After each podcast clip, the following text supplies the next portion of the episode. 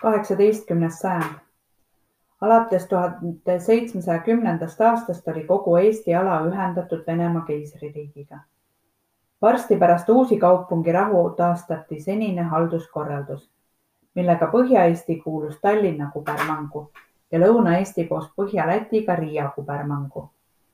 sõda ja epideemiad olid maad rängalt laastanud, nii et Eestis võis olla, Eesti võis olla kaotanud kuni kolmveerandi oma elanikkonnast sõjajärgsetel aastatel algas siiski peagi taastumine, mis jõudis lõpule kaheksateistkümnenda sajandi keskpaigaks.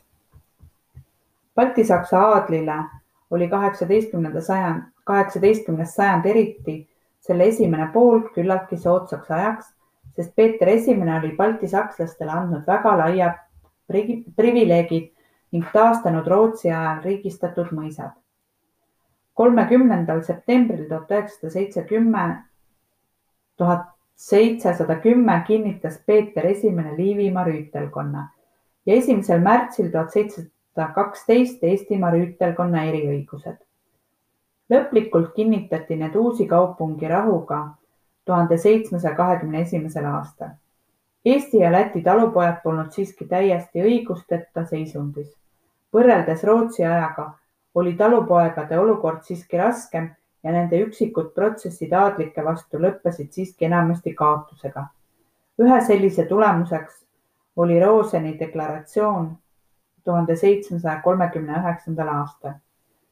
selles esitatud äärmuslikud seisukohad talupoegade täielikust kuulumisest aadli omavoli alla ei peegeldanud siiski reaalset valitsevat olukorda ning ka tsaari valitsus püüdis deklaratsiooni autori meelehärmiks sellist olukorda pärast selle avaldamist igati vältida. keldipalve. ole sina tasane tee minu ees. ole sina juhatav täht minu kohal. ole sina valvas silm minu taga tänasel päeval, tänasel ööl, ikka ja alati. ma olen väsinud ja olen kurnatud juhi sina mind inglite maale. nüüd mul kuluks ära veeta aega Kristuse lähikonnas, taevases rahus. kui vaid sina, mu elu Jumal, kui sina minuga lepiksid, mind toetaksid, kui oleksid mulle täheks, oleksid kiivriks mu sängi heitmisest kuni mu ülestõusmiseni Lev Tolstoi kirjutab. oh Jumal, kirjeldamatu Jumal, kuid sa oled Jumal, kelle tahtest ma elan. sa oled asetanud minusse püüdluse tunda sind ja iseennast. ma olen pattu teinud.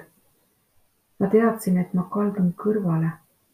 ma andsin end kurjade kirgede võimusesse, teades, et nad on halvad kuid ma ei unustanud sind ealeski. ma tundsin alati sinu lähedust, isegi patuhetkedel. ma kaotasin kõik peale sinu, kuid sina oled sirutanud käe, millest haarasin kinni ja kogu mu elu on täidetud valgusega. sina oled mind päästnud.